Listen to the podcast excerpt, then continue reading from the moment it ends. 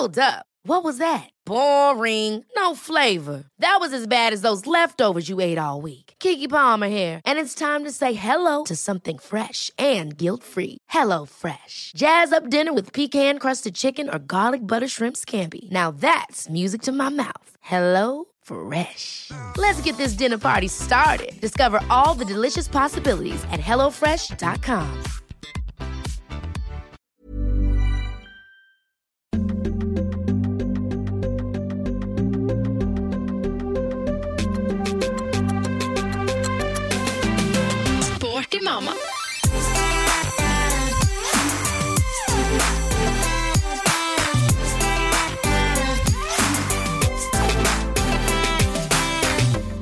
Hallaise du, Lotte.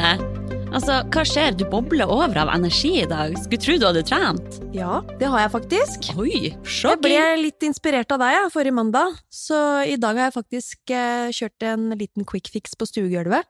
Ja vel. Det var utrolig deilig. Ok. Så jeg fikk jo da kjørt den mens Erik eh, lå i vogna i gangen og sov. Mm. Det vil si nesten hele økta, for han våkna rett før jeg var ferdig med andre drag av seksminutteren min. Ja. Så da var det ett minutt igjen der. tenkte jeg, hm, ja, skal jeg løpe ned og hente den nå, eller skal jeg fortsette videre det siste minuttet? Så jeg gjorde Ja, sistnevnte. du gjorde altså. Ja, Du sto i det. jeg sto i det, Mm. så jeg fikk henta han, og så var det opp igjen da i vippestolen, og så var han med meg på siste seks minutter. Ja. Så da har jeg fått kjørt igjennom en tre ganger seks minutter med hantel i dag, da. Så det var sykt deilig. Kanskje du kan dele økta på Insta hvis andre vil teste økta? Ja, jeg gjør som regel det, altså. Ja. Så mm, ja, det blir vel dagens kjellerøkt, det. Ja, det Høres bra ut. Ja, for det er jo litt sånn når man trener mens barnet sover, man blir sykt effektiv. Ja. For man må jo bare peise på den tida man har. Så er det sånn åh, hvis han våkner nå når jeg er midt i et drag, det er så sykt kjipt. Jeg, jeg tenkte på det også, for jeg skulle egentlig ha to minutter pause imellom.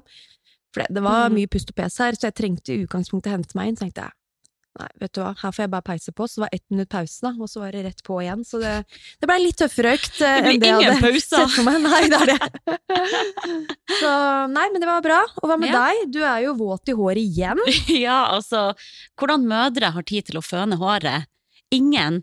Så min go-to, det er å bare ha et helt vått hår, ta det i ei flette, gå ut. Ja. Nå trodde jeg du skulle si at du er på Sats igjen og kjørt eh, intervall på mølle. jeg. Du, det var faktisk plan å dra på studio før jeg kom hit i dag, men eh, ja, du vet, å komme seg ut til barnehagen og sånn, det kan eh, plutselig ta litt lengre tid enn planlagt. For eksempel hvis noen bestemmer seg for å gjøre i bleien eh, etter man har kledd på ytterklær og, og så videre. Så nei, det ble ingen planlagt styrkeøkt i dag, men til gjengjeld så kjørte jeg noen øvelser ute på Platten. Jeg har jo mine kjære kettlebells som eh, bare Skriker etter å bli svingt på. på. ja. Nei, de redder meg virkelig. Eh, og det er liksom ikke så mye som skal til før jeg bare kjenner på litt overskudd og godfølelse. Og i dag, altså, nå sludde det faktisk ute. Men jeg trossa det og bare stilte meg ute på den platten og bare kjørte noen øvelser. 20 minutter, smekk med litt utfall, kettlebell swing, pushups, pullups, ja. Og det bare, da. jeg er så glad jeg bare gjorde det. Åh, ja, man angrer jo aldri på en treningsøkt, Nei. som regel. Nei, men du skal vite at jeg jobba beinhardt med hodet for å komme meg i gang der. Ja, Men uh, det tyngste er jo å bare komme i gang. ja så må man bare ikke tenke så mye, og bare la det flyte. Ja, nei, man kan ikke begynne å liksom, tenke så mye over hva man skal på en måte kjenne på av følelser underveis på treningsøkta, for det, det får Mm. komme som det kommer. Det får det. Det, ja, det går greit når man kommer i gang. Ja. Alt er en bonus. Alt av trening man får inn som mor er en bonus, tenker jeg. Så vi er skikkelig, skikkelig ovenpå i dag, altså. Ja, vi er Starten av uka og fått trent. Det Blodet bruser i kroppen. Men du, Lottis, vi har jo et spennende program i dag. Vi skal ha en mystisk gjest i studio. Og studioet vårt er stua di. Helt ukjent gjest som kommer i dag. Ja. Um, Vil du røpe hvem det er? Ja, kan jo det. Det er eh, Martin Norum. Selveste. Har du hørt om han? Jeg tror jeg vet hvem det er. Jeg tror jeg har sett han på Insta. Ja. Han er blant annet treningsekspert da, i Shape. Han er jo det. Men viktigst av alt så er han jo samboeren min, da. Mm. Ja. Og far til ditt Ja. barn. Eh, ja, så hva man skal si? Han kommer jo innom for å prate om eh, dette med tidseffektiv styrketrening. Mm. Så det blir spennende å høre hva han har å si. Ja. Jeg tror det er mye vi kan hente ut der som eh, travle småbarnsmødre. Mm. Spesielt om målet er enten vedlikehold av styrke, eller om det er å forbedre styrke, så, så er det absolutt ting ma- og triks og tips man kan ta med seg videre i sin egen treningshverdag, da. Ja, for han er jo en veldig kunnskapsrik type, og det jeg merker at jeg lurer veldig på, er sånn Hvor mye trening er egentlig nødvendig? Kan det hende at man trener litt for mye også?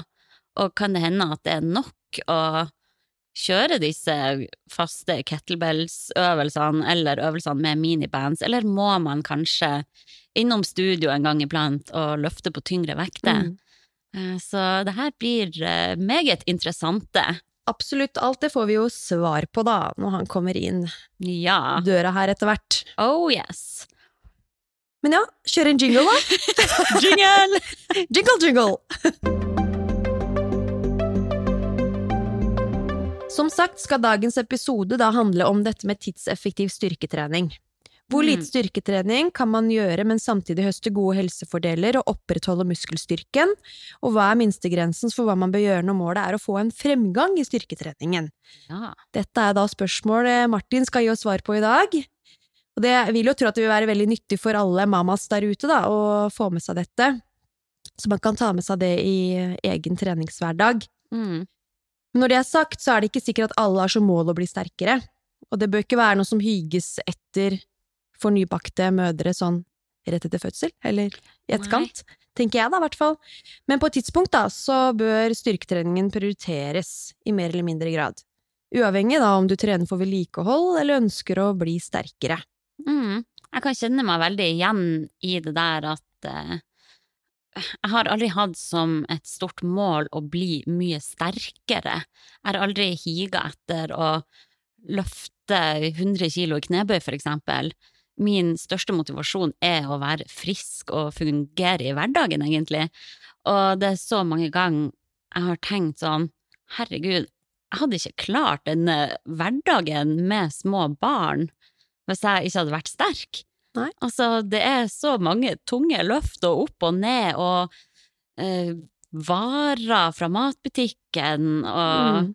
det er jo veldig ofte jeg står og holder han Theodor med venstrehånda mens jeg lager mat, Mm. satt på vaskemaskin, Mm, tar ut av vaskemaskin. Det er Mhm. krevende det, altså. opp og ned i knebøy her og der, Mm. og ja, jeg er veldig glad for at jeg har en sterk kropp. Mm, Eh, Og absolutt. samme under graviditeten også, så er jeg ganske sikker på at jeg hadde hatt en tyngre graviditet hvis jeg ikke hadde, hadde trent styrke i det hele tatt. Ja.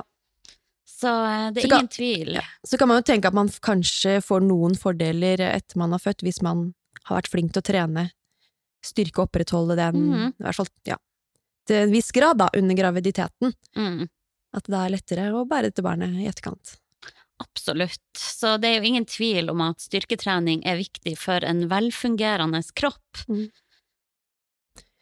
Og Martin kommer helt sikkert til å prate en del om dette med helsefordeler generelt ved Mhm. styrketrening, og ja, hvorfor det er viktig da, å Mm, trene styrke uavhengig om man igjen da har som mål å vedlikeholde, eller å forbedre styrken. Så det her blir bra. Denne episoden kommer jo til å være veldig relevant både for dere pregolinis der ute, men også småbarnsmødre. Og det er jo aldri for seint heller å begynne med styrketrening hvis man aldri har gjort det før. Absolutt ikke. Eh, alt man gjør er bedre enn ingenting. Mm. Det må man huske. Men du, Hanna, før vi eh, får inn vår eh, ukjente gjest her, da, inn i studio, slash kjøkkenet, så tenkte jeg vi skulle ta en rask eh, this or that, så lytterne kan bli enda bedre kjent med oss.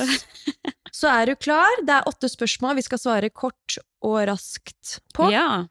Jeg er klar. Ja, skal jeg stille deg spørsmål? Ok, kjør. Okay. Lang oppvarming eller peise rett på? Åh, det blir jo fort til at jeg bare må peise rett på. Man har plutselig 20 minutter til rådighet, og da er det å bare kjøre. Det er jo ikke helt bra. Det er jo anbefalt med oppvarming, Mm. men eh, jeg svikter kraftig der noen gang, det må jeg si. Enn Gjør du? du, gjør du ikke noe form for dynamisk stretching, bare bitte litt? Uh, det- Nei, det er noen ganger jeg ikke gjør det, men jeg bruker å begynne med ro, eller lettere vekter, da. Ja. Det er jo en del for eh, spesifikk oppvarmingsdel, ja, Ja, da. sant. Enn du? Nei, jeg også blir jo fort at man bare peiser på. Ja. Jeg er ikke så veldig glad i oppvarming, men jeg vet at det er viktig. Så når jeg er på, på timer nede i crossfit-boksen, så er det jo lagt inn oppvarming, og da får jeg jo det. Men her så blir det jo et tidspress, da. Så da blir det jo litt sånn lett dynamisk stretching, kjenne litt på kroppen og kjøre litt knebøy, utfall, scapular pushups eh, Ja. og pushups med kroppsvekt, da. Før jeg druser på. Mm. Det er jo viktig, så vi, vi anbefaler jo å varme opp. Vi bare klarer ikke å gjøre det sjøl. ok, kjør neste. Styrketrening eller utholdenhetstrening? Ah, jeg liker jo best utholdenhetstrening, faktisk. Jeg elsker å bare kjenne at blodet bruser, og at hjertet slår, og at det svir litt, og den følelsen jeg får etterpå da, er jo priceless. Eh, Men styrketrening er jeg òg veldig glad i, men kanskje mest for at jeg vet hvor viktig det er. Mm. Men jeg må nok, hvis jeg skal velge, så vil jeg heller eh, kjøre på med ei utholdenhetsøkt. Ja. Enn du? Nei, jeg er helt enig, men hadde du spurt meg for eh, seks år siden, så hadde det vært styrketrening. Ja. Jeg trente jo en periode opp mot styrkeløft, blant annet. Mm. Hvor det var om å gjøre å bli sterkest mulig i disse baseløfta, som knebøy, markløft og benkpress. Mm. Eh, og det var gøy for en periode, eh, men eh, utholdenhetstreninga gir meg mye mere. Eh, Ja. Endorfiner, rus i kroppen. Man får sånn ordentlig Ja. Glede av det, da. Men du har jo virkelig anlegg for å bli dritsterk også, og jeg må jo bare si, før vi ble kjent, det er jo mange år siden, så så jeg deg på Instagram, der du drev og tok pullups med masse kilo i skrittet. Mellom skrittet, ja. Og jeg husker jeg bare viste det til typen min, og bare Hun her er jo mye sterkere enn deg! Ta den! Ny utfordring! Så det er jo kult. Jeg skjønner at man kan eh, få en skikkelig boost av å bare kjenne det at man klarer å være og mestre disse sykt tunge øvelsene, da. Men det krever jo at man trener disse øvelsene her, Mm. eh, gjerne med veldig eh, ja, hyppighet, da. Nesten daglig. Mm. Og ja, så det, det tar mye tid. Og det er kontinuitet over tid som er nøkkelen for å, å bli sterkere i disse løftene. Så jeg, det blei litt ensidig for meg etter hvert, da. Mm. Det å jage pauser. etter vekter hele tiden og Ja. prøve å bli sterkere, sterkere, nei, det Gøy for en liten periode, men nå er jeg mer sånn allrounder, da, kan du si. litt utholdenhet, litt styrke. styrke. So fancy! Det er derfor jeg ramla innom crossfit, da. Så Ja. det er liksom Det er det kuleste jeg gjør nå. Ja. Mm. Men du er jo veldig sånn eh, Du blir god på alt du driver med, egentlig. Så det er egentlig litt urettferdig. Noe tar litt tid, men um, ja, jeg vil si at jeg er ganske allsidig. Ja, du er Ja. det. Ja. Neste. Truse eller string? Den var litt annerledes. Ja, interessant. Eh, Jeg regner med at alle lurer veldig på det. Jeg må faktisk si string. Jeg vet at eh, mange kan ikke fordra string, men jeg går veldig mye i tights, og jeg kan ikke fordra den der trusekanten som kan vise, som kan dele rumpa i to. Så eh, stringen eh, is going strong. Yes. Ja, jeg er enig. Det må jo bli Vi er enige på alt, det er jo dritkjedelig. Sømløs, string. Ja, det er nydelig. For det kan ikke være noe Nei, skal ikke gnage noe heller. Kan vi ikke ha noe. Nei, og gjerne ikke en string som er for smal foran. Nei takk.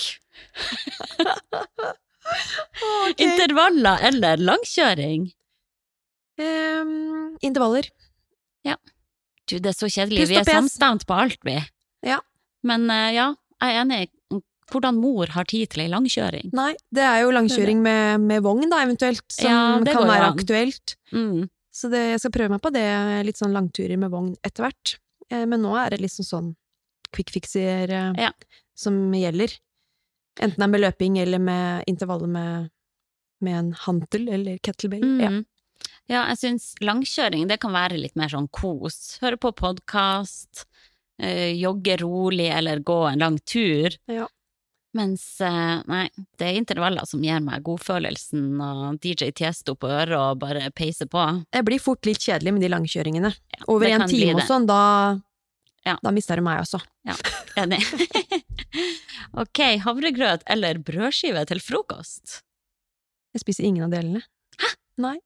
Eller jo, litt havregryn da, oppi, um, oppi yoghurt med cottage cheese, mandler og banan. Det er sånn jeg har fått skikkelig hekta på nå. Ja, så en slags havregrøt, da. Ja, men jeg har ikke klart vanlig havregrøt kokt opp. Um, etter eh, jeg fikk Erik, jeg klarte det ikke under graviditeten heller, det vokste i munnen på meg. Og det var liksom det beste jeg visste før. Det med peanøttsmør og banan og syltetøy, jeg Ja, bare nydelig. kjørte på. Ja. Um, men nå er det Nei, det vokser litt i munnen på meg, men det blir litt sånn periodevis, da. Mm. Så nå er det noe annet som gjelder. Ja, ja. Nei, eh, jeg er veldig glad i brødskive også, da. Jeg kjører på med brødskive med avokado, ost, tomater. Ja.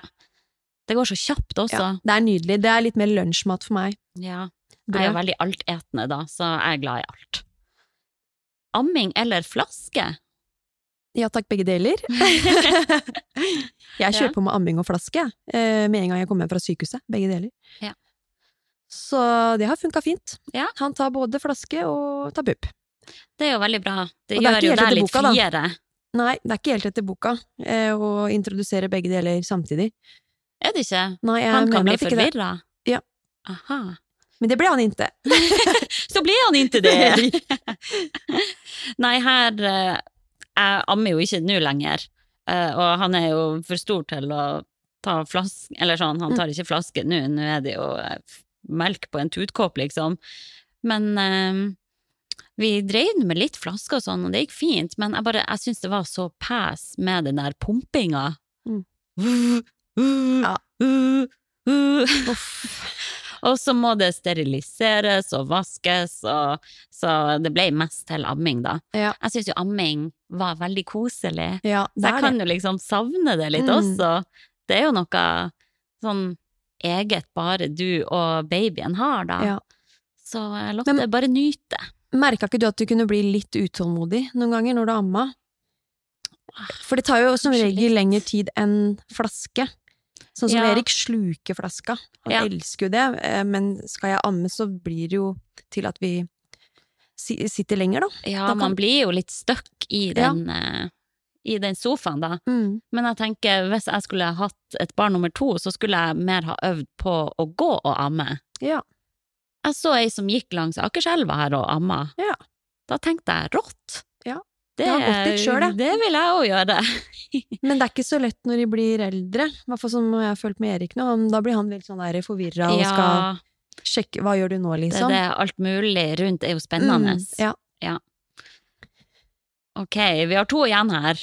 Smågodt eller potis? Smågodt.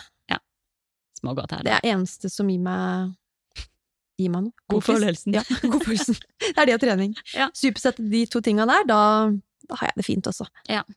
Nei, enig. Vi, vi bruker jo egentlig å gå og handle Candy King når vi skal henge og slappe av i lag.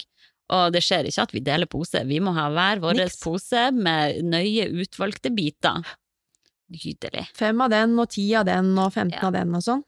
Nei, så vi lærer ikke. Men eh, Elsker Candy King. vi har ganske lik preferanse da, på Vi har egentlig det. Det er kanskje derfor ikke vi kan dele pose, for da hadde vi bare slåss om hver bit. Ja.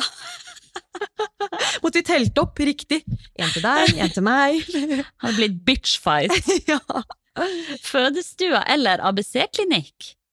Eller ABC-klinikk er vel også ei fødestue, men altså med eller uten bedøvelse, da? Under fødsel. ja, jeg har ikke noe mot eh, bedøvelse. Nei. Så det Jeg skrev et fødselsbrev, jeg. Om at Ja, det, eh, ja. jeg skal ha epidural. Ja. Det var det første jeg skulle ha når jeg kom inn på fødestua. Mhm. Så det er ikke noe Nei, fødestua. Nei, samme. Jeg er jo eh, der at jeg har veldig tiltro til vestlig medisin, og jeg tenker at hvis jeg har muligheten til å få det litt bedre, så eh, ja takk. All ære til dere som velger å føde uten bedøvelse. Det syns jeg jo er helt rått. At noen faktisk aktivt velger bort bedøvelse. Og én ting er hvis du tenker at ikke du skal ha det, Mm. men at du må ty til det underveis, for det ville jo vært høyst normalt. Mm. Men så er det noen som da fremdeles, uansett hvor smertefullt det er, bare nei. Jeg har bestemt meg for at ikke jeg skal ha noe Ja. bedøvelse. Det, det er sjukt. Ja, det er vilt. Uh, jeg fikk jo masse epidural uten at det funka på meg, så spørsmålet er jo sånn, hvis jeg skulle ha gjort det her en gang til, kanskje man bare skal skite i det uansett, siden det ikke funker. Ja. Eh, Ei venninne av meg fødte nylig nå på ABC-klinikken, og hun hadde veldig god opplevelse med det. Hun fødte i badekar. Ja. Um, så ja, men uh, jeg kommer nok sikkert eh, til å trygle om epidural igjen. For du kan vel ikke føde i badekar hvis du har epidural, for den sitter jo fast i ryggen, sånn sett. Ah, stemmer det, Mm. ja. Så må du velge. Man må velge, ja. Ja. Nei, kjipt det at eh, ABC-klinikken skal bli lagt ned, da. Herregud. Men Ja. eh, la oss ikke ta den nå! Nei, Kanskje vi Ullevål. skal eh, Ja. Fødestua der. Kanskje vi skal kjøre jingle Ja. og ta inn gjesten? Vår kommende gjest. Ja. Ja, Han står vel og skraper på døra her, vil jeg tro. så ikke forundra meg.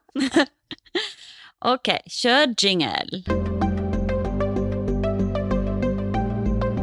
Ja, da har vi fått vår kjære gjest inn i studio, eller rettere sagt Diega stue. Velkommen, Martin. Takk. Hyggelig å få lov å komme hjem til meg selv. Ja, veldig glad for å ha deg her. Ja, Hvordan går hyggelig. det? Jo, det går fint. Syns det. Ja, Det gjør det absolutt. vært ute på trilletur og Ja, nå har jeg vært ute i regnet på jakt etter eh, dype dumper og grus og alt som kan eh, få en vogn til å riste maksimalt. Ja. For å få, få junior til å sove. Det Så er det- sånn det er. Det gikk fint, det. Han ligger og tar det cool utafor døra her nå. Ja. Det kan jo hende han våkner i løpet av episoden. Da får du, Lotte, stille deg til pers. Mm. Men uh, først sånn kort, jeg bare lurer på, hvordan syns du pappatilværelsen er? Jeg syns det er veldig koselig. Jeg trives veldig godt eh, i den eh, nye tilværelsen foreløpig, og jeg er ganske sikker på at jeg vil gjøre det fremover også. Det vil jo sikkert bli eh, ja, mye som, eh, som endrer seg gjennom de neste årene på forskjellig plan, men eh, forsmaken så langt er i hvert fall veldig bra, veldig hyggelig. Ja. Eh, og ja, jeg syns det egentlig har vært hyggeligere enn jeg hadde forestilt meg at det skulle være også. Syns Ja, det var litt det? Uh, småskummelt uh, å, å få beskjeden om at det skulle bli pappa tilbake i tid. ja. Eh, fordi det, snur opp ned på mye, men, eh, men det har vært eh, veldig hyggelig og stas. Ja, så tilværelsen er bedre enn det du trodde, kanskje? Ja, jeg syns egentlig det, altså. Ja. Så er det jo selvfølgelig noen ting som, går, som det går litt utover, som har vært mer sånn egotripp-ting. Sånn som for eksempel mye trening, da. Men ja. det, er, det er i det store og hele helt greit. Det får være en tid for alt, og så får, får man tilpasse etter hvordan eh, livet utvikler seg. ja, man får jo litt andre prioriteringer, og det er kanskje ikke sikkert at man har lyst til å trene like mye som det man gjorde før heller. Nei, jeg tror mange kan sikkert kjenne på det, at eh, man rett og slett kan få litt dårlig samvittighet. I hvert fall hvis du i utgangspunktet liksom trener ganske bra, og så er det spørsmål om å trene ganske bra eller å trene kjempebra med veldig mye ekstra. Ja. Eh, Så kan man kanskje enten slå seg til ro med at man kan holde ting ved like og være fornøyd med det og fortsatt ha treningsglede og oppnå helseeffekten av å holde seg aktivitet i forskjellig grad, med forskjellige typer aktivitet. Um, eller eventuelt også finne seg i at man eventuelt må ta noen steg tilbake, men, men fortsatt i hvert fall holde ting i gang. da. Ja, for jeg vet jo at du drev med triatlon, og det Mm. krever jo ganske mye trening. Det tar mye tid. Ja. Blir det noe triatlonsatsing på deg videre nå, da?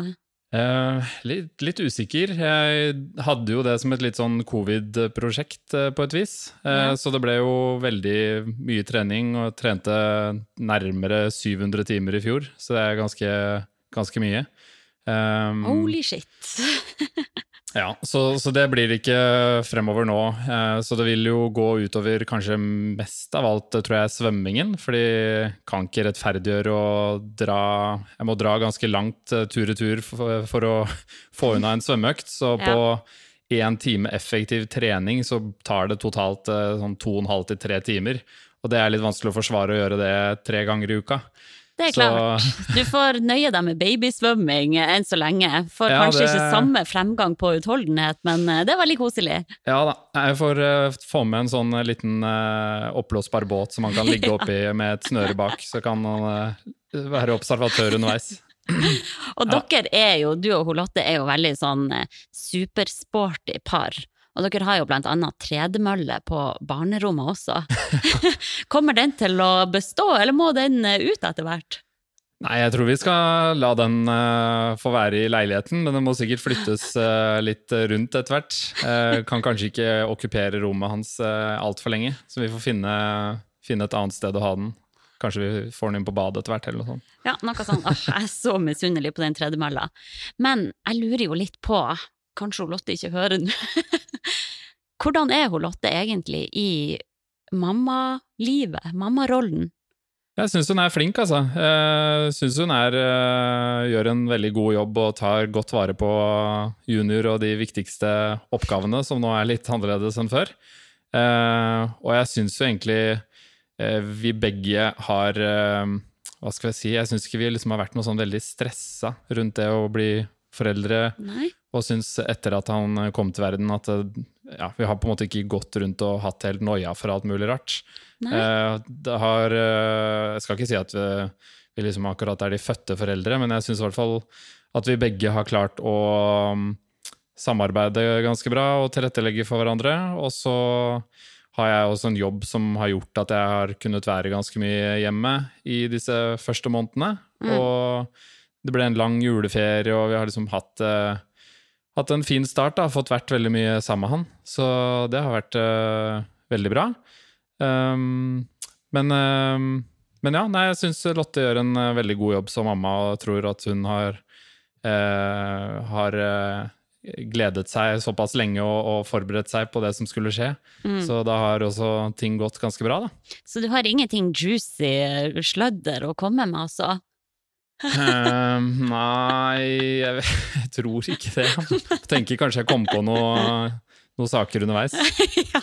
Plutselig så skyter jeg inn et eller annet sånn sladder. Kan jeg tillegge et spørsmål? Ja, gjør det.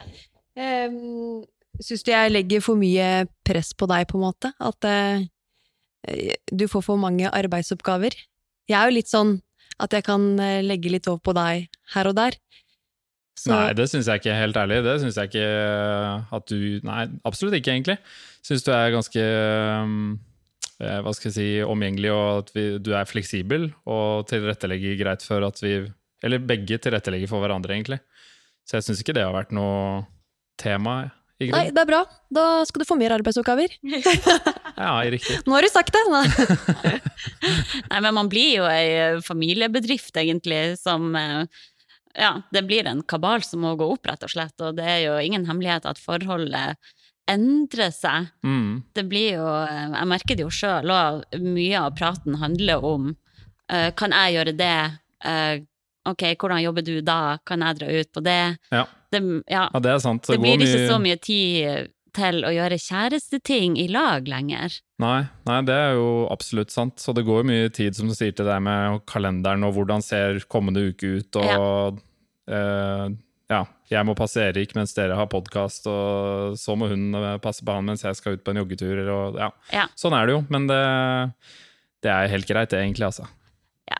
det er Alt det der blir jo verdt det, til syvende og sist. Ja. Uansett, når man ser det lille miraklet som ligger der. Ja, men jeg kan jo forestille meg at det kan være next level krevende hvis du har eh, to og tre og enda flere barn, og Ja. skulle liksom få den eh, kabalen til å, å gå opp. Så det er ikke så vanskelig å forstå at eh, mange syns det er krevende å få til å trene ja, sånn i det hele tatt, og få tid nok til det. Nei, Så det blir liksom ikke det første man prioriterer når det er eh, en del andre ting som eh, Ja. havner foran. Og hvis man har eh, Ever catch yourself eating the same flavorless dinner three days in a row? Dreaming of something better? Well, HelloFresh is your guilt free dream come true, baby. It's me, Kiki Palmer. Let's wake up those taste buds with hot, juicy pecan crusted chicken or garlic butter shrimp scampi. Mm. Hello Fresh. Stop dreaming of all the delicious possibilities and dig in at HelloFresh.com. Let's get this dinner party started. Many of us have those stubborn pounds that seem impossible to lose, no matter how good we eat or how hard we work out. My solution is PlushCare. PlushCare is a leading telehealth provider with doctors who are there for you day and night to partner with you in your weight loss journey. They can prescribe FDA-approved weight loss medications like Wagovi and Zeppound for those who qualify. Plus, they accept most insurance plans. To get started, visit plushcare.com slash weight loss. That's plushcare.com slash weight loss. En åtte til fire-jobb da, og tre barn, og kanskje først mulighet til å trene etter barna har lagt seg i Mm. åttetida, og Ja. man bare er helt peist sjøl. Ja.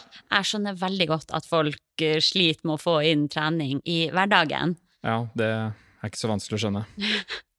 Men du, du er jo mer enn eh, bare samboeren til Lotte. Du er jo faktisk også ekspert i ShapeUp. Ja. Um, så kan ikke du bare presentere deg sjøl litt og fortelle oss om din bakgrunn? Ja, um, jeg jobber med Kort oppsummert så jobber jeg jo med trening og ernæring i litt forskjellige former. Jobber som eh, PT i Oslo. Begynte for ikke så lenge siden på CrossFit Sagene, faktisk. Eh, ikke så mye med, har på en måte ikke så mye å gjøre med, med selve CrossFit-treningen der å gjøre, men eh, følger opp eh, forskjellige typer kunder eh, som jeg har samarbeidet med, noen kort, noen veldig lenge. Så det er gøy. Og så eh, driver jeg selv et treningssenter i Skien, av alle steder, som eh, ja, som jeg ikke er altfor ofte på besøk til i og for seg, for det blir litt vanskelig å få til logistikkmessig. Men jeg er i hvert fall med å drive det og holde på med en del arbeid eh, fra PC der. Ja. Og så er det litt eh, oppfølging av eh, forskjellige typer eh, både mosjonister og noen utøvere på webcoaching.no. Og så holder jeg også på med litt foredragsvirksomhet. I hvert fall har det vært det normalt sett. Vært ganske mye mindre av det gjennom covid-perioden, da. Mm. Men uh, det er også, også en greie. Så har jeg i likhet med dere en podkast. Som Ja. uh, driver sammen med Benjamin eh, Christensen, som er en god kollega og kompis av meg. Så vi, vi har holdt på med det i et par år nå, men nå er det en god stund siden vi slapp uh, sist episode, så vi må etter hvert komme litt bedre i gang med det igjen. Ja, hva heter den podden, så kan folk sjekke den ut? Den heter Sterkere, så Ja. hvis man søker på Sterkere i en eller annen podkast-app, så finner man eh, antagelig den. Ja, så det er jo litt sånn next level, eh, kanskje mer i dybden på selve faget, da. Ja, den er nok litt, eh, litt for de som er eh, fra før av temmelig treningsinteresserte. Du må ikke nødvendigvis jobbe med trening for å få noe ut av det, tror jeg. For vi prøver å snakke på en forståelig, grei måte, men det er i hvert fall for de som er eh, litt mer enn normalt interessert i trening. Ja, spennende. Men hvordan utdanning har du? Eh, Jeg har eh, en eh, PT-utdanning og en altså kostholdsveilederutdanning, en sånn diplomautdanning i ernæring, og til slutt en mastergrad i ernæring som jeg har tatt ved Middlesex University i England. Og så gjorde jeg sammen med en annen norsk PT som heter Linn Kristin Risvang, et forskningsprosjekt i samarbeid med Norges idrettshøgskole. Så vi tok den masteren sånn 50-50 på NIH og da det universitetet i England. Da. Så Se der, ja. En meget eh, kunnskapsrik mann her, med andre ord. ja, men så bra. Er det noe, noe mer vi burde vite om din bakgrunn før vi går løs på dette temaet? Nei, jeg tror egentlig ikke det, annet enn at jeg sånn eh, personlig syns eh, trening generelt, både styrketrening og kondisjonstrening, er gunstig. Det er jo en del som blir veldig forelsket i én treningsform, og, og kanskje ikke nødvendigvis liker eh, den andre, holdt jeg på å si, uh, like godt. Og det har jeg jo selv vært litt uh, fanget av tidligere med primært styrketrening, men trener nå litt mer allsidig enn jeg har gjort tidligere, og, og tror at det for de fleste som ikke skal liksom konkurrere i et eller annet helt spesifikt, er veldig lurt å, å ha med et element av både styrketrening og, og kondisjonstrening. Da. Ja. Litt av alt. Yes.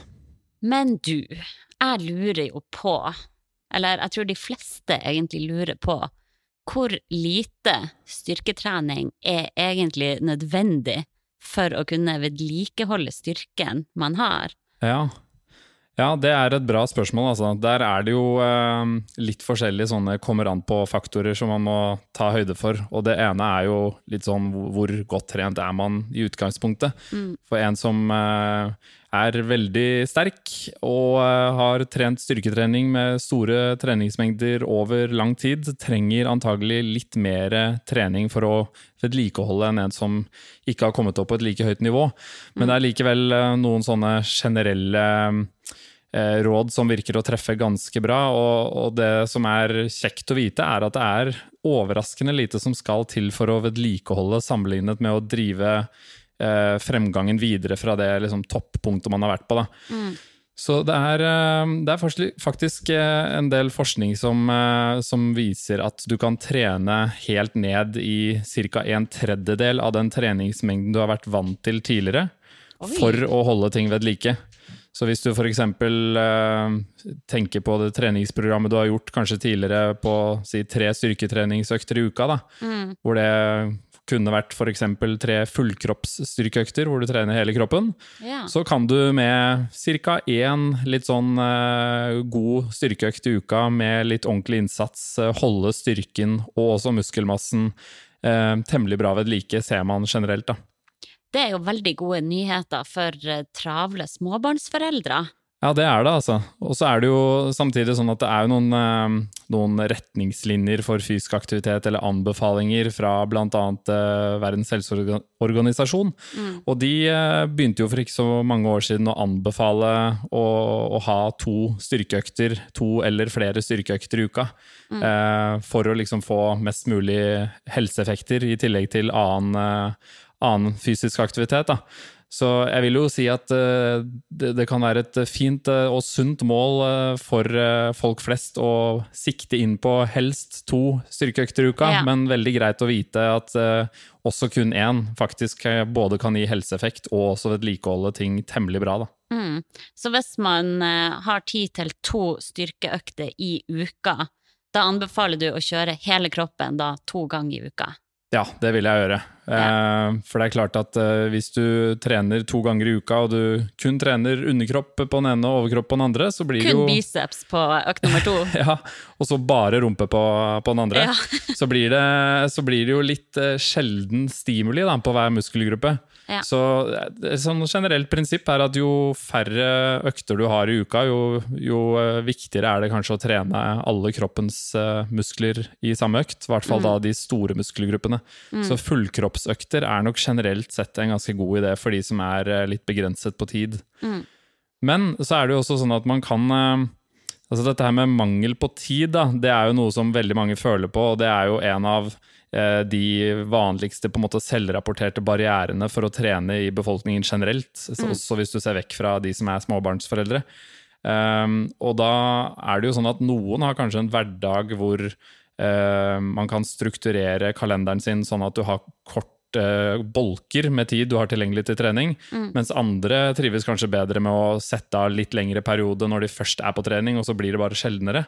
Og det som er litt kjekt å kjenne til det, er at begge alternativer kan funke veldig bra. Da. Eh, så det å f.eks. gjøre si tre økter i uka, 45 minutter, kan gi faktisk akkurat like god effekt som å gjøre ni økter av 15 minutter. Selv om det er Ja. samme tid totalt i uka. Så hvis du har en jobb eller en hverdag eller er hjemme så i mammapermisjon eller pappaperm for den saks skyld, og du liksom ser at det er sånne korte etapper av økter du kan klare å få til, da, hvor du har 15-20 minutter til rådighet, så er det kjempelurt å gjøre det, og så heller ha litt høyere frekvens på det, sammenlignet med å liksom tenke jeg får ikke tid uansett til å ta den vanlige 45-minutteren, så da må jeg bare droppe det. da. Mm. Økta må ikke være sammenhengende. Den må ikke det, altså. Du kan kjøre ti minutter på morgenen og ti minutter på ettermiddagen. Ja, helt klart. Så det virker ikke som om uh, det er liksom ikke noen magiske effekter av å gjøre noe med en viss varighet. Det er liksom det totale arbeidet du gjør som er det viktige. da. Ja, for jeg tror nok at veldig mange tenker at for at treninga skal funke, så må jeg sette av én time med blodslit på studio. Ja. Jeg tror også du har rett i det, at mange, mange tenker sånn, og så er det mange som kanskje også gjør ting unødvendig komplisert. Og så syns jeg det er et sånt sitat som jeg, som jeg ofte har med i noen foredrag som jeg syns er veldig bra, og det er at et enkelt treningsprogram utført jevnlig vil alltid være bedre enn et avansert treningsprogram utført sporadisk. Og det tror jeg er eh, verdt å ta med seg. Også det å huske på at absolutt all aktivitet, eh, uansett hva det er, er mye bedre enn ingen aktivitet. Så selv på en måte trening som ikke nødvendigvis er kjempeeffektiv for å øke f.eks. maksimale styrken eller ø, kondisjonen, eller hva det måtte være, det har en verdi, det også.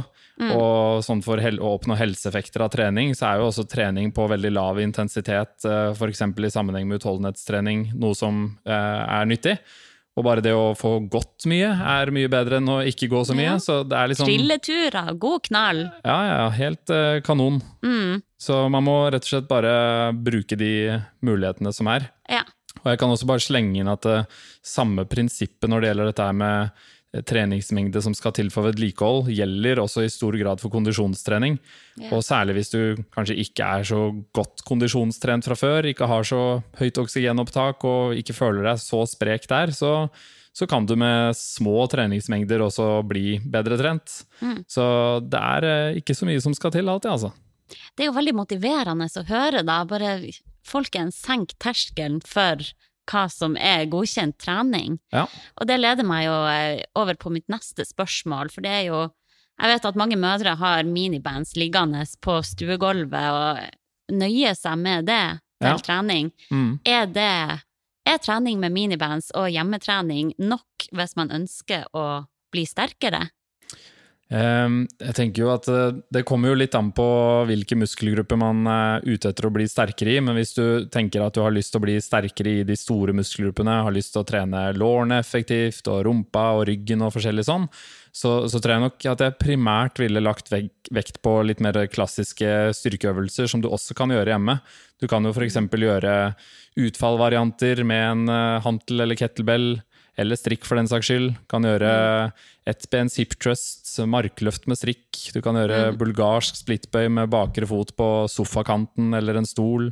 Ikke minst kan du gjøre sånne pistol squats, eh, som er eh, mer enn mer enn tungt nok, for min del i hvert fall. Ja.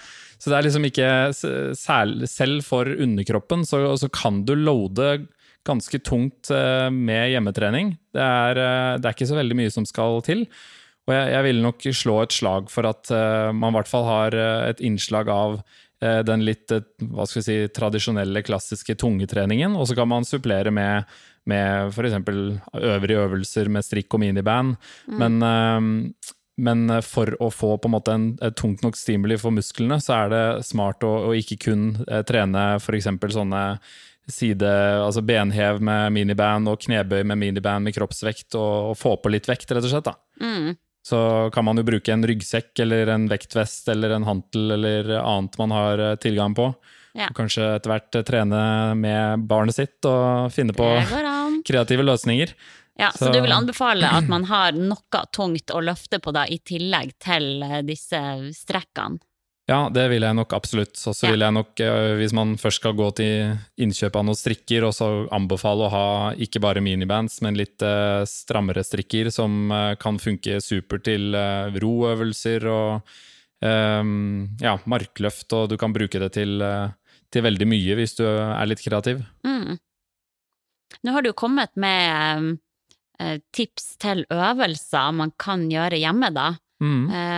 Har du noen flere sånn Hvis man da har 20 minutter til rådighet og har minibands tilgjengelig, Ja. hva ville du da ha anbefalt å kjøre på med? Um, jeg tror nok at jeg uh, altså I utgangspunktet, hvis jeg hadde 20 minutter, så ville jeg prioritert å gjøre en liten sånn styrkesirkel med noe for overkropp, noe for underkropp. Mm. Um, det å f.eks. bruke et miniband som helst er litt stram, til f.eks. en enarms eh, roøvelse, altså enarms roing.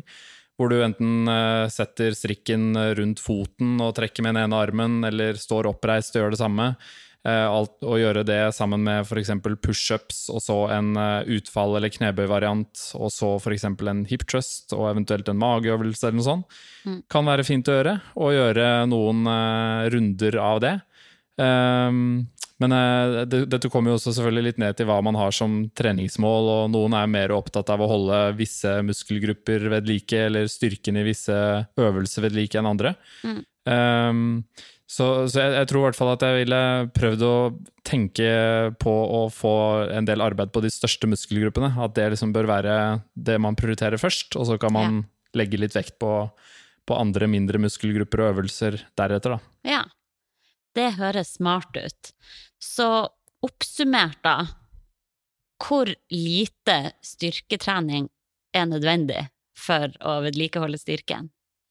Rundt en eh, tredjedel av den treningsmengden du har vært vant til, Ja. sånn cirka. Så Og det er for vedlikehold. For vedlikehold. Ja. Så hvis du f.eks. har hatt eh, Hvis vi tar et enkelt eksempel og kun tenker på underkropp nå, da. Mm. Hvis du har før trent eh, eh, for eksempel eh, tre serier knebøy på en økt, og deretter tre serier utfall, da har du gjort seks totale sett for underkroppsmusklene. Mm. Hvis du på en annen økt også har gjort eh, noe det samme, men kanskje med et par andre øvelser, så er du oppe i totalt tolv serier eller tolv sett i løpet av en uke. Hvis du da får til å gjøre pluss-minus fire litt anstrengende serier i løpet av en uke, så skal det i teorien være da nok til å vedlikeholde.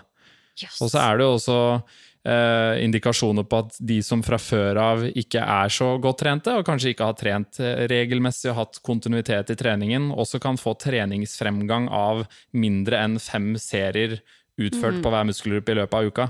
Så hvis du, du som hører på, ikke trener styrketrening regelmessig per nå, og du har lyst til å kanskje bruke permisjonstiden din til å få inn en bedre treningsvane, så er det veldig greit å kjenne til at det er ikke så stor mengde som skal til for at du da blir eh, sterkere og øker muskelmassen litt og får disse helseeffektene av styrketreningen. Da kan du eh, over eh, to-tre måneder med tid få grei fremgang ved å gjøre under fem litt anstrengende serier på, på hver muskelgruppe i uka. Ja, det er jo veldig motiverende, da, og det er jo noe de fleste kan få tid til, og i hvert fall burde prioritere. Ja, det syns jeg.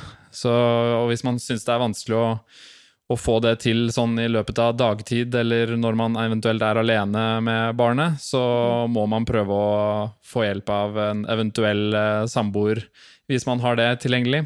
Mm. Eller andre til å, til å, å ta over, så man kan få et lite pauserom til å dundre på. Ja, til å peise på.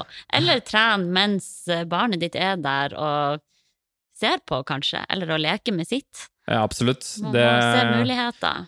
fra egen erfaring så ser det ut som at, uh, at han lille junior syns det er ganske spennende å se på mens man trener. Så Det er klart. Se på de gærne foreldrene sine. ja, det, det virker som det er litt underholdning i det. Men ok, så det er nok for å vedlikeholde styrken. Men enn hvis man ønsker framgang på styrken, hvor ofte burde man trene da?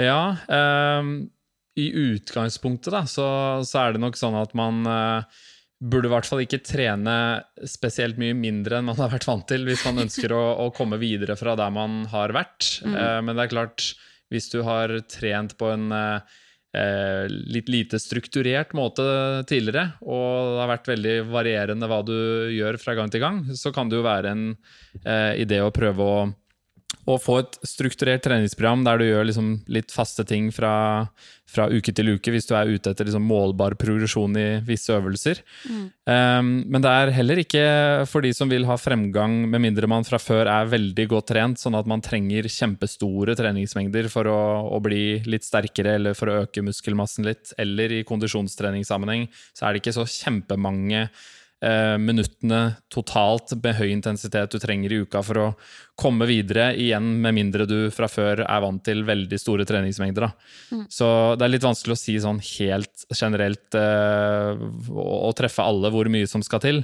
For det kommer jo så an på hva slags utgangspunkt man har. Men eh, jeg kan i hvert fall si at eh, hvis målet ditt i styrkesammenheng er å bli sterkere, så, så trenger du kanskje ikke nødvendigvis mer enn pluss-minus ti-tolv anstrengende serier hvor du trener litt ordentlig tungt totalt på hver muskelgruppe i løpet av en uke. Det vil for veldig mange være nok til, eh, til å ha progresjon. Mm. Det kan jo hende at veldig mange tenker at det er så mye mer trening som kreves, og derfor blir demotivert og bare ikke gjøre noe som helst. Jeg tror det, altså. Og, og bare for å dra det litt over på kondisjonstrening igjen også, så er det helt sånn fascinerende hvor lite som skal til for å få bedre kondisjon hvis du fra før eh, stort sett kanskje kun har trent styrketrening og ikke drevet noe særlig med kondisjonstrening. For da er du jo per definisjon litt utrent når det gjelder kondisjon. Og det å gjøre da f.eks. noe så lite som ett eneste hardt drag av fire minutter, litt oppvarming, og så én ganger fire, ikke fire ganger fire, men bare én ganger fire. Gjøre det to-tre ganger i uka i tre måneder er jo vist å gi liksom 10-15% økning i oksygenopptaket for de som ikke da har noe særlig god kondisjon fra før.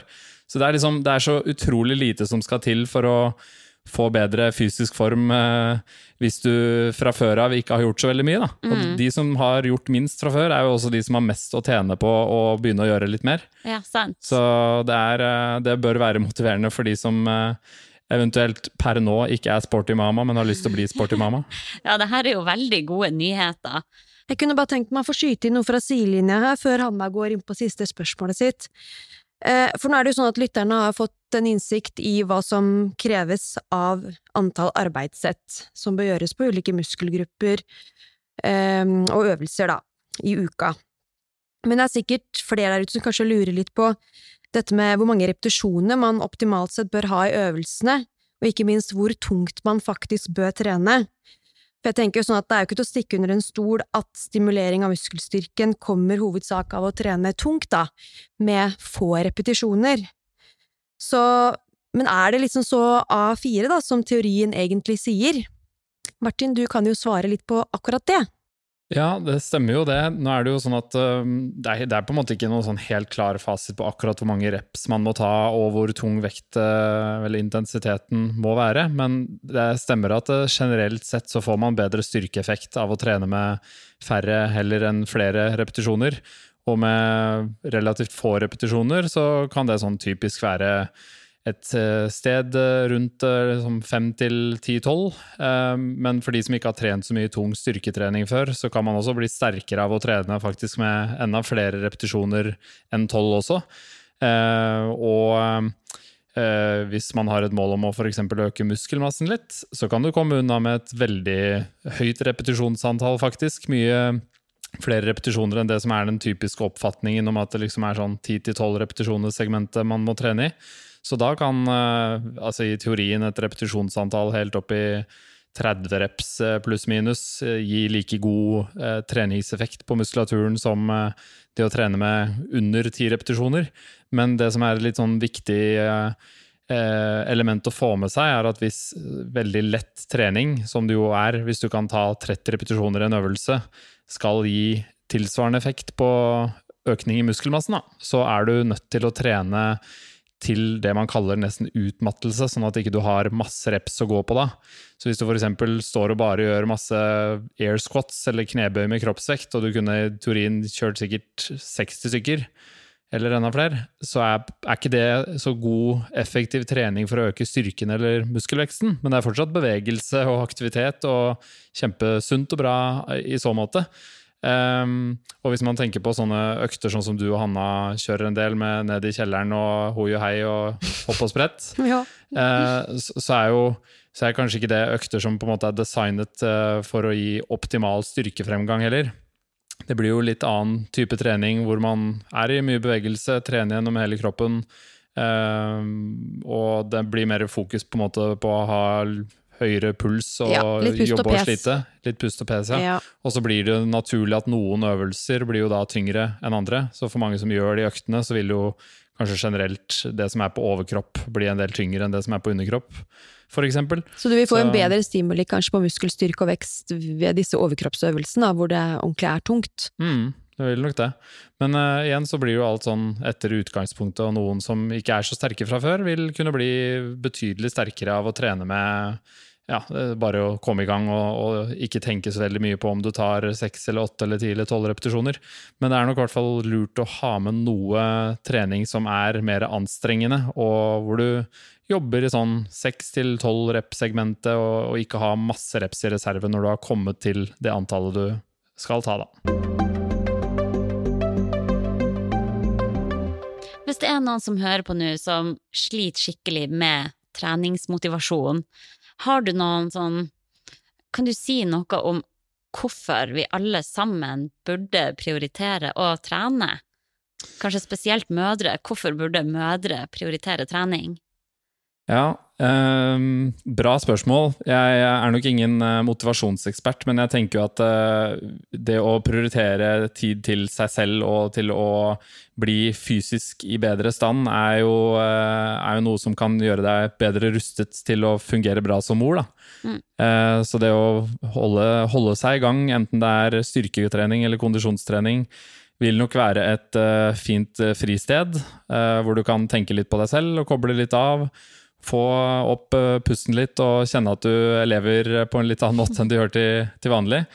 Og i utgangspunktet så, så vil jo dette føre til at man håndterer annen form for stress i hverdagen litt bedre enn hvis du ikke er eh, vant til å gjøre noe sånne type ting.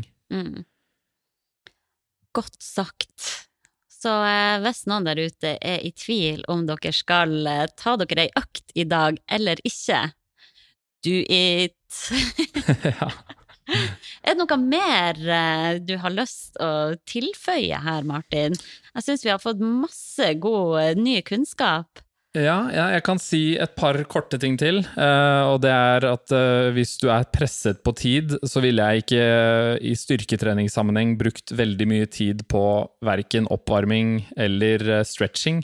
Ikke fordi det er dumt å stretche og ikke dumt å, opp, å bruke tid på litt oppvarming, men jeg ville nok varmet bare opp spesifikt til hver øvelse du gjør. Eh, fordi det går tid til det også. Så har du liksom dårlig tid og du bruker et kvarter på å varme opp, så er det litt dårlig bruk av tid hvis du skal få mest mulig igjen. da. Ja, men det er jo eh, en glede å høre, for vi snakka om, før du kom inn her, eh, så snakka jeg og Lotte om vi foretrakk oppvarming eller ikke, men ingen av oss føler egentlig at vi har tid til det. Nei. Nei, ikke sant? Eh, Så, eh, men Nei, jeg har liksom tenkt at da gjør jeg egentlig noe galt, for at jeg ikke får varma ordentlig opp. Nei, jeg syns ikke det i det hele tatt. Eh, Det blir, um, blir jo litt annerledes med f.eks. løping, hvis du skal kjøre harde intervalldrag og du bare smekk går rett på bånn gass-intervaller. Rett fra å chille på sofaen og Ja, rett ut på Rett fra voksløpet. sub hvilepuls til sone uh, fire. Det er liksom ikke helt å anbefale. Men, uh, men uh, i styrkesammenheng så funker det fint å varme opp kort i, i hver hovedøvelse. Da. Ja. Så, og stretching er uh, supert hvis du har lyst til å ha bedre bevegelighet, men det kan du kanskje eventuelt gjøre i andre sammenhenger mens du leker med barnet ditt, eller ja, bru, bruke andre bolker til det. Ser på nyhetene, ta deg en god strekk samtidig. Ja, ikke sant? Ja. Og så kan det også være en idé med altså, supersett der du kombinerer to øvelser, eh, sirkeltrening, Mm. eh, ja, rett og slett eh, å kjøre på med flere ting etter hverandre, og for eksempel da på forskjellige muskelgrupper, for da får du gjort mye arbeid på kort tid, og det er jo tidseffektivt. Ja, da trenger du ikke å ha disse lange pausene som folk har som sitter på treningsstudio og trykker på mobilen. Ikke Nei. ta deg tid til det. Så hvis du ser at du eh, i løpet av en halvtime du har tilgjengelig, har brukt ti minutter på Instagram, da har du litt å gå på eh, når det gjelder å få mest mulig ut av eh, treningstiden. Det er et godt tips der. Bruk mer tid på å trene enn å dokumentere at du trener, er også et tips. Ja, det er også bra tips. Der har vi litt å hente, Lotte. Neimen, veldig fint. Takk for en god prat. Nå sitter han lille Erik her og ser på oss med åpne, fine øyne. Liten praktikant inn i uh, Mamma. han sporty tar notater, Ja. gjør seg klar uh, til uh, dagens økt. Tidlig krøkes. Kanskje han får være gjest neste episode. Ja, Nei, men tusen takk for tida di, Martin. bare hyggelig. Så snakkes vi. Det gjør vi. Ha det. Sporty mamma.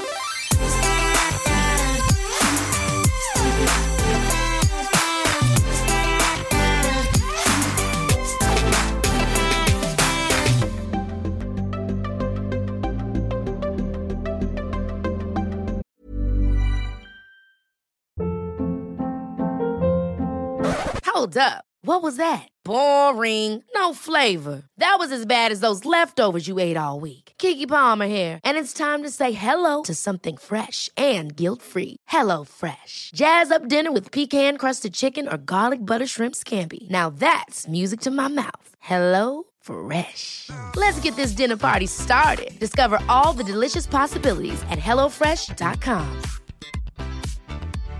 Hi, I'm Daniel, founder of Pretty Litter. Cats and cat owners deserve better than any old fashioned litter. That's why I teamed up with scientists and veterinarians to create Pretty Litter. Its innovative crystal formula has superior odor control and weighs up to 80% less than clay litter. Pretty Litter even monitors health by changing colors to help detect early signs of potential illness. It's the world's smartest kitty litter.